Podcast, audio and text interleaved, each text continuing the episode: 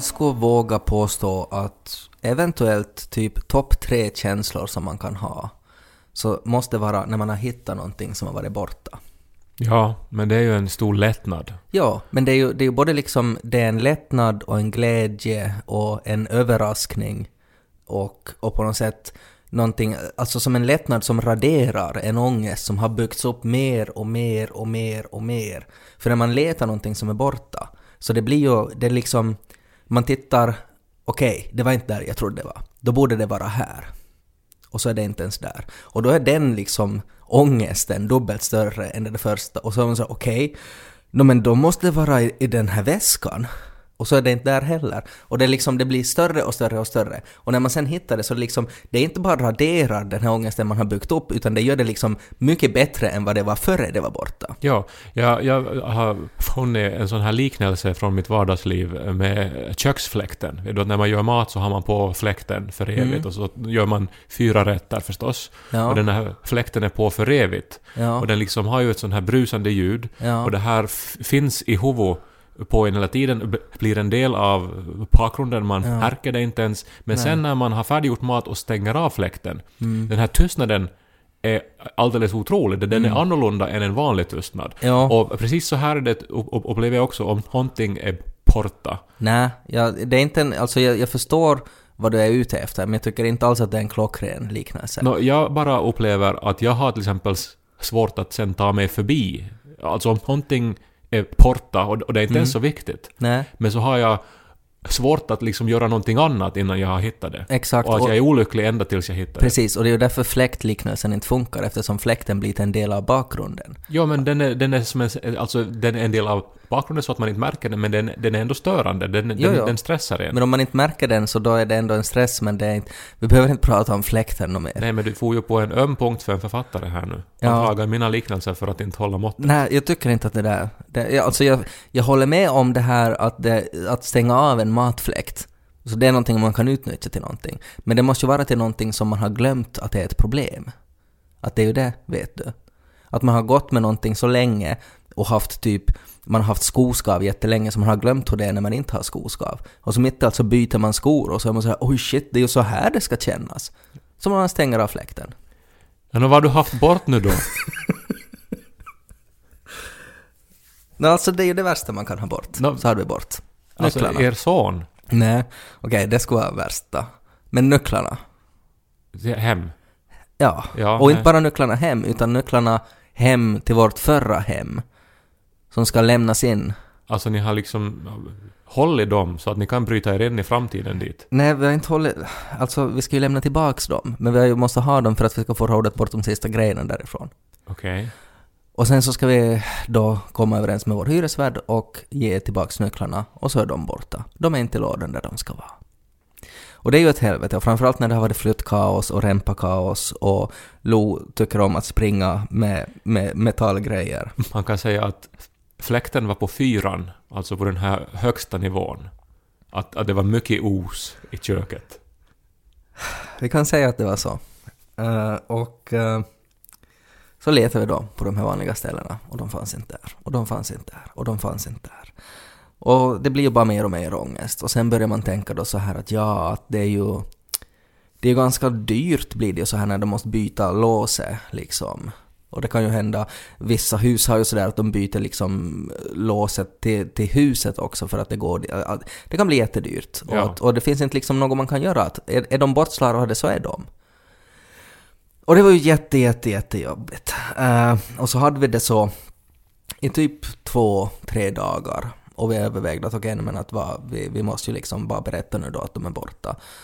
Uh, och så fick Janika mitt i allt en sorts minnesbild att de sa ju att någon har tappat nycklarna. Och så var jag sådär att vad, vad, vad helvete pratar du om? Och så sa hon att hon minns ju när vi var där någonstans och så var det någon som sa att hej, den här människan som har tappat de här nycklarna så kom efter dem då och då. Det, det låter ju nu som att det är hon som, har, som vet att hon har slarvat bort dem eller kastat ner dem i en avloppsbrunn och nu hittar hon på den här historien. Kommer du ihåg sista föreställningen när vi spelade Pleppo 2? I pausen, när de kom in och så sa de, när det var slut, att, eh, att de har hittat ett par nycklar. Att personen som, kan, som äger dem kan komma och hämta dem till baren. Uh, nej, jag Ja. minns inte. Inte jag heller. Men Anika gjorde det. Och så får hon till Virus och så var nycklarna där.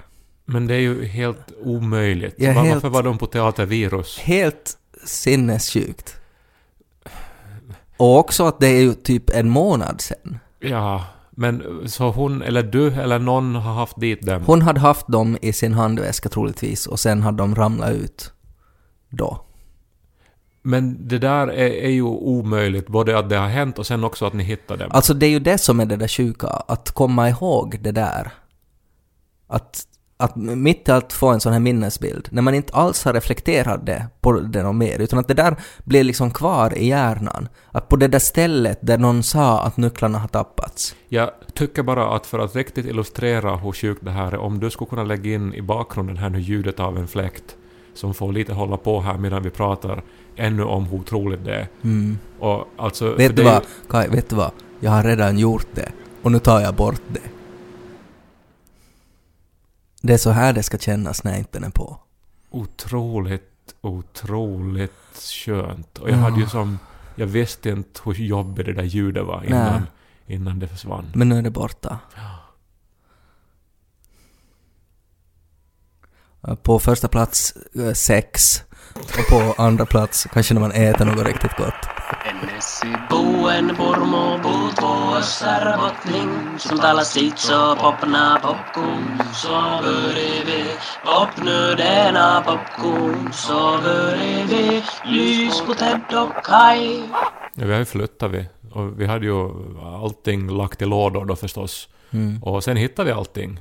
Allt, alla, alla saker vi behövde hittade vi. Utom eh, TV-sladden. Jaha. Den var bort.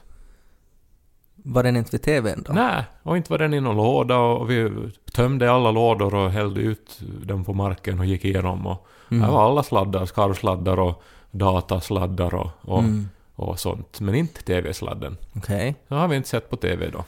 Ja. Men så fick jag en snilleblixt. De är på Åbo Svenska Teater. Nej, men de var, de var snurrade i modemet. För det är ju så man kör TV nu för tiden, via modemet.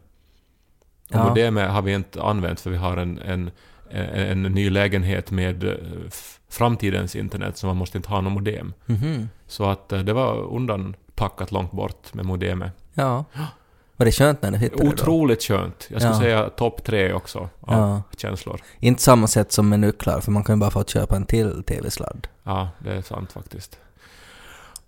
Men bra jobbat. Tack. Man blir ju stolt när man på något sätt ens hjärna kommer på sånt där, var ens hjärna liksom har gömt bort det. Ja, jag, jag älskar ju Sherlock Holmes när jag var barn. Mm. Och, och jag försökte ju, att jag lekte ju detektiv och Mm. väntade ju alltid då på att jag skulle som få allas uppmärksamhet och så skulle jag som avslöja eh, min slutledning kring något mysterium då. Mm. Och, och det här just det, alltså när man, när man räknar ut någonting ganska omöjligt Ja, så, så alltså grejen är att alla andra skulle vara sådär att hur i helvete kom du på det där? Och så kan man säga elementärt. Det är för att jag har snortat så mycket kokain, vilket Sherlock Holmes ju gjorde. det finns det väl inte belägg för. No, alltså de gjorde ju nästan rökte ju all... pipa och... Jo, men han har ju receptbelagt både kokain och morfin. Det var ju som man rollade på den tiden. Apropå att vara ikonisk. Mm. Så jag blev ju, blev ju besviken nu igen. Eh, Eller så här. Jag, Jesus inte kom tillbaks. Nej, men det, han ska komma snart. Ja. Sa han så många gånger. Så. Mm. Eh, men eh, jag var på museum i Paris. Och det var en sån här fotografiutställning. Mm. Och så här. Är det viktigt att det är Paris? Ja, för det var så här gatufotografier från Paris och från olika Ja, ja. städer i världen. Men det skulle du kunna säga bara alltså att det var, men jag var på en utställning, det var fotografier från Paris. Och det skulle lika bra kunna vara i Helsingfors. Bara ett blygsamt skryt. Ja, det var nu i Paris. Jag var där Jo, över jo, men påsken. är det viktigt över, liksom, för historien att det var just i Paris? Nå, inte egentligen. Nej, okej. Men, Men säg att- att du var på ett museum då. Ja, Jag var på museum och Mm. såg på en fotografiutställning med eh, gatubilder från olika städer. Mm. Så här, Var var det här museet? I Paris. Aj, du har varit i Paris. Ja. eh, Se, märker du liksom hur lätt, hur, det, hur man inte behöver ha blygsamt skryt? Så du menar att, att det här är liksom en, en, en feature hos mig? Att jag ofta sätter in onödig information för att skryta? Ja, men det vet ni ju nog allihopa som har lyssnat på den här podden att det är så. Sådana anklagelser riktas mot mig här där vi sitter nu då i arbetsrummet med utsikt över Tölleviken. Här. Men det finns så här minnesbilder, sådana här händelser och upplevelser som stannar kvar. eh, som, eh, som man liksom uh, låter gro som ett senapskorn till ett stort träd av eh, förhoppningar. Ja, Mhm. lite som när man stänger av köksfläkten. Nej, här, det, jag, jag är nog på väg nu mot en riktig, riktig, riktig bamsing. Ja, senapsträd Ja, på vägen. att eh, man liksom... Du ser att, att här fanns fröet till någonting fantastiskt. Mm. Och så bara hoppas man att, ja men kanske det blev så då. Och så skapar man sig föreställningar och ser att man är, man är ikonisk. Du måste ha några exempel. Ja, nej, men, nej, men det finns bara en sak. Jaha. För fem år sedan så gick jag och Niko eh, på en gata här i Helsingfors. Mm. Eh, vi var unga, Mm. solbrända, det var på sommaren. Fem år sedan. Vi hade solglasögon. Eh, jag tror att vi båda hade varit i Frissan. Och så hade vi så här shorts och, och vi var, hade just väl varit på en lång promenad och så våra muskler var så här spända och, Mm. och så hade vi snygga kläder. Mm. Och så gick vi hand i hand, vi var nykära Mm. i Helsingfors. Två unga män, solbrända. Det var i Helsingfors alltså? I, I Helsingfors. Okej. Så gick vi på gatan. Och plötsligt så möter vi en eh, annan man. En man med ett distinkt eh, europeiskt utseende. Karl Haglund? Nej, Okej. det var en, en äldre man.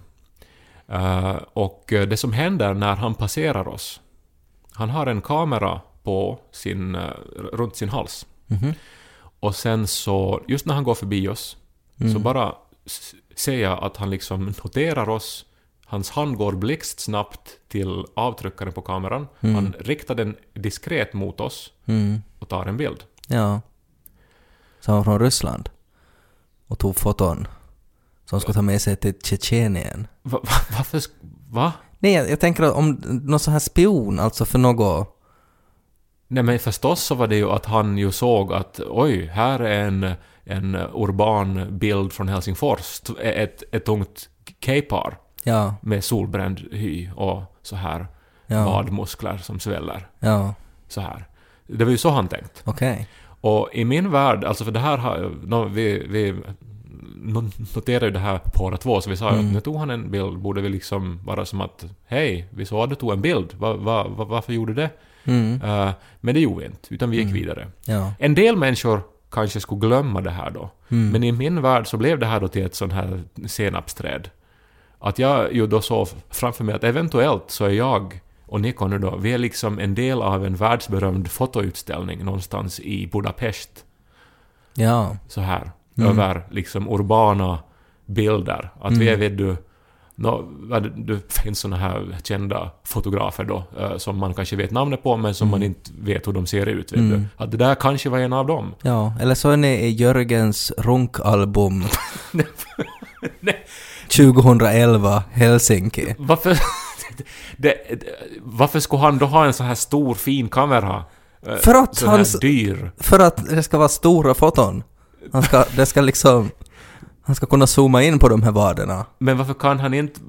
Varför, inte på sta, han ju som går omkring på stan Nej, men det är ju det han går igång på. Han är ju som en sorts bakvänd blottare, liksom. Att han går omkring och fotar folk så här. Ja, men när vi gick på den här utställningen nu då i Paris då. Så var ni där då, på nej, bild? nej, men, nej, det var vi inte. Men jag tänkte hela tiden att tänk om ja. man skulle stöta på sig själv här nu då. ja. Och så, här, och så skulle det vara en jättefin bild. Och så Mm. skulle det vara ikoniskt. Och så skulle man vara en del av fotografihistoria. Ja. Ja. Eh, jag vet inte vilken sorts narcissism det här är. Helt vanlig skulle jag säga. Ja. Alltså inte något så här extra, utan helt vanlig narcissism. Korkea, aho. Korkea, aho. Kai ko Om vi fortsätter lite med det här utseendetemat så har jag och Janika har en ny favorit, Uh, i princip en favoritsysselsättning. Uh, det har kommit en ny app, jag vet inte riktigt hur ny den är, jag tror den är ganska ny för jag har inte, jag har inte hört om den tidigare. Ehm, det är en app som är utvecklad åt eh, hemmamammor, som Janika är. Eh, och den är i princip ganska exakt som, som Tinder. Men det är för hemmamammor endast. Och upplägget är alltså att man ska uh, swipa eh, för hemmamammor i ens närhet som man skulle kunna tänka sig att träffa tillsammans med, med barnen. Och man skriver lite om sina intressen, man sätter några foton och så ser man då att ja, där, 300 meter, så där finns, där finns den här kvinnan och, och det där barnet. Okej, och, och, och nu ska vi då inte tänka sexuella undertoner Nej, här. men alltså det, det, det ska man ju inte alls överhuvudtaget, för att det är ju inte det, utan att det, det handlar ju om att, att det är ju äh, människor som väldigt lätt blir isolerade hemma med sitt barn och det här är ett sätt, äh, man har kanske flyttat till en ny stad och det här är ett jättebra sätt att liksom komma ut, träffa nya människor, gå på kaffe med någon, äh, barnen får leka och sådär. Jättefin sak. Men eftersom det är med bilder så nog är det ju svårt att inte döma folk på något sätt enligt utseende. Alltså att vi sitter ju där i soffan och i princip liksom checkar ut liksom de här kvinnorna då att, jag menar att hon är ju ganska snygg. Att hon skulle jag kunna bli vän med och Ja. prata Ja. med på dagarna. Och det är bara så konstigt det här för att egentligen när man tänker på en sån här app så borde det ju inte överhuvudtaget finnas, det borde ju inte vara bilder med. Det skulle räcka med text. Var bor du? Hur gammal är barnet? Eh, typ, tycker du om att vara ute och gå? Och så kan man då komma överens och, och få ut och gå tillsammans. Samtidigt som man utgår från bild också lär ju sig väldigt mycket om en person. Alltså att hurdan bild har den var, var är den här bilden tagen, hur ser den här människan ut? Man, alltså det är ju det här första intrycket på något sätt säger ju jättemycket om en person. Ja. Och då är ju bilder absolut bäst. Men det blir ändå lite konstigt. Mm. Men vilka swipar ni höger på nu då? Är det, är det bara Men vi väldigt- de som ni tycker är snygga då? Vi har ganska olika smak. Eh, och det är ju svårt. Ja. Egentligen, alltså det handlar ju om att, att det är Janika som ska träffa dem. Men jag är ganska bra på att, att övertala henne också liksom. Att man ser att okej, den där barnvagnsmodellen så tyder nog på att det här är nog en person som, som kan vara ganska jobbig. Men är det där alltså bara mammor då? Där Ja, finns det- inte några endast- stay at home dads Nej. då? Det är bara för kvinnor. Ja, som en säkerhetsgrej antar jag. Men Men vi har, vi har swipat nu. eh, höger, några. har ni fått några matches då? Nej, och då blir man ju arg. Och då går man ju till deras bilder och konstaterar att ja, vilken bitch. Man märker ju att de inte har swipat tillbaks. Ja, men... jag, jag bara som förstår inte liksom varför det är bara... Jag menar det här är ju som en br- bra idé för att få vänner och, och så här. Alltså, Ja. ty- Kompis-Tinder. Men nu är det ju något lurt här. Alltså, alltså nu är det ju säkert de som ändå söker sig till den här appen så är ju nog lite grann ute efter något, vet du, att det eventuellt skulle kunna bli något mer. Jag har ju inte varit singel sen liksom Tinder blev aktuellt, så för mig är ju det här på något sätt viktigt också. Att det känns ju lite som att, att ha Tinder. Men det är väl inte du som har det, det är väl Janika nej, nej, det är Janika som har det, ja. Ja. Men jag är liksom så här rådgivare.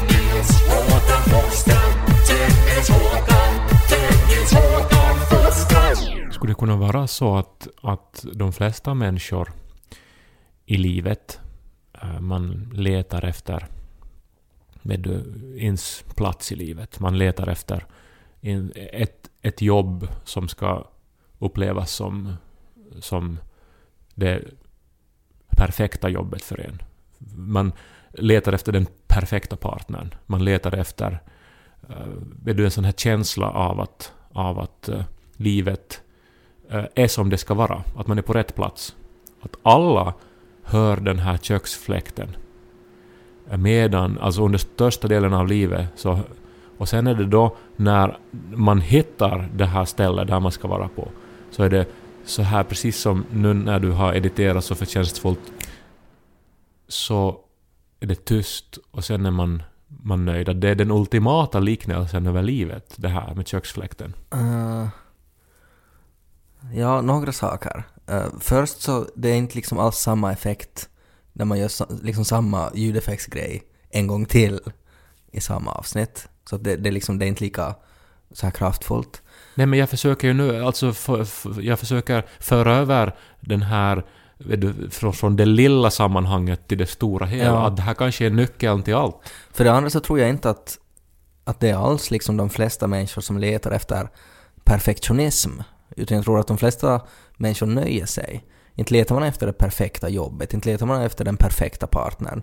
Jag tror att väldigt många är sådär att okej, okay, men jag fick nu det här jobbet och så har jag det. Okej, okay, men hon hatar ju inte mig så jag är väl nog med henne. Precis, men hela tiden hör man det där ljudet, det här ljudet som stegras och blir till en del av bakgrunden men ändå stör en och man förstår inte hur mycket det stör en innan mm. det är borta. Ja, alltså menar du att jag skulle att det liksom, att man gör det en tredje gång med de ja, här ja, effekterna? Ja, förstås ska du sätta in Ja. den en tredje gång. Eh, jag tror att det du beskrev var alltså livet och sen dog man när man tog av det. Mm. Alltså de här sakerna som man störs av och att det är liksom, ja men det är väl inte riktigt bra. Det är ju livet det och det är det som får en att, att på något sätt framåt. Men att Mm. de flesta människor ger upp i något skede för man konstaterar att nej, jag räcks inte i den här köksfläkten. Eller jag vet inte hur den funkar. Eller pappa lyfter bort mig så jag får inte trycka, som Lob skulle tänka. Men det finns ju människor som går omkring med ett sånt här, ett lugn över deras eh, Ja men det är bullshit. väsen. Det är fake. Det är inte äkta Som går med såna här bomullskläder, vet du. Ja, men det är ju, de är ju, Barfota. de är ju med i sekter. De är ju riktigt sjuka ihop. Och så heter de Penelope allihopa. Ja, och det är ju inte friskt. Eller så har de då Nej, men- blivit kvitt Nej, fläktljudet. nej, det, det, så är det ju inte. Men att de har ju en liten pamflett som heter Bli kvitt med fläktljudet i ditt liv, eh, som de ger dig. Och sen ska de börja ha betalt till sist. Och så är du scientolog. Så du tror att jag skulle kanske kunna göra pengar på den här liknelsen Ja. också? På, eller på, på den här sanningen, för, för jag tror ju faktiskt att det här innehåller mycket mer än vad Ja. du tycks tro. Ja, nej, jag, jag tror nog att det är det, men du måste bara liksom... Du kan ta fasta på det här att bli kvitt bakgrundsfläkten i ditt liv. Men du måste ta fasta på det här att egentligen så har du ett surr. Du har någonting jobbigt som du har lite glömt bort att det är jobbigt, men det är nog hela tiden där. Och det är bara Kai Korkeaho som tar, kan få bort det. Det är ju det perfekta liksom, det är ju ABC liksom för hur man startar en sekt. Att du beskriver åt okända människor vad de har för fel, som de inte är medvetna om, och sen kan du ta bort det. Det Jag ju- tror ju att den här eh, mannen som gick med kamera, så han i, på, på Helsingfors gator sommaren 2012, Ja. att han, eh, att Alltså han, han med ronkhäftet. att han också upplevde det här ljudet väldigt starkt i sitt huvud. Gick omkring, han hade varit en hel dag på stan och Mm. bara letat efter den perfekta bilden att ta som skulle fånga den här sommaren i Helsingfors. Mm. Och så hörde han bara det här ljudet som du förstås klipper in just nu. Det blir större och större, det här ljudet. Han går gata upp och gata ner, håller på att ge upp, solen är på väg ner. Och plötsligt ser han det här paret som stolta går hand i hand trots att det är förbjudet att gifta sig, trots att vi just har haft en jutku, trots att det här är så pass nära Ryssland att man nästan eh, kan, kan känna de homofobiska vindarna från öst så går de där hand i hand. Och så fick han sin bild och så blev det tyst. Eller så gick han bara omkring och var otroligt kåt. Och så såg han någon som han tyckte var snygg. Men vet du, en orgasm, en utlösning är också som den här tystnaden. Ja, Så är det. yes. Det är Men som en sorts... Är det så att den här tystnaden ba- bara kanske är vet du, tillfällig alltid? Att sen efter ett tag så börjar fläkten surra eh, omärkligt igen? Nå, då har man ju något fel med köket, om det är så.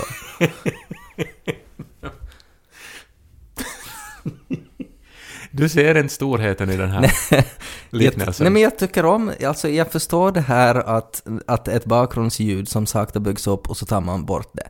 Det, det, det är ju effektfullt. Det har ju också använts i filmer.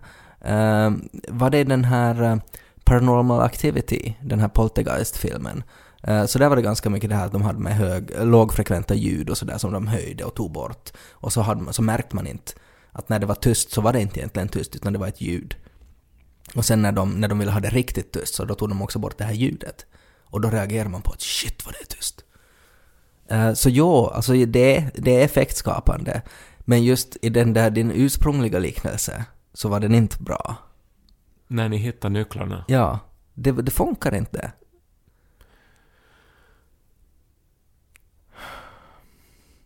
Men jag, jag rekommenderar för alla som vill ha en liten orgasm, så sätt på köksfläkten när du kommer hem från jobbet och så stänger du av den till kvällen. Så kan det vara lite skönt. Eller så gömmer du några saker med flit, eller liksom be din partner, eller sup dig full så att du inte kommer ihåg vart du har satt dem. Men sätt bort något viktigt, men inte på något så här omöjligt ställe. Utan typ i en sko i tamburen. Och så hittar du det när du ska sätta på dig skorna. Och så är man sådär Oj, det var där jag hade satt chokladägget. Nu måste jag byta strumpor. Men så blir man ändå glad när man hittar det. Och får en liten orgasm. Livskvalitet behöver inte vara mer invecklat än så. Ett fint sätt att avsluta den här podden på. Avsnitt 78 Mm, en sven... S- Kailepodd. ja. Ses nästa vecka. Nu ska vi avsluta lite speciellt för vi har fått en, en låt av Axel. En liten elektronisk eh, jingle får avsluta veckans podd innan tystnaden tar vid.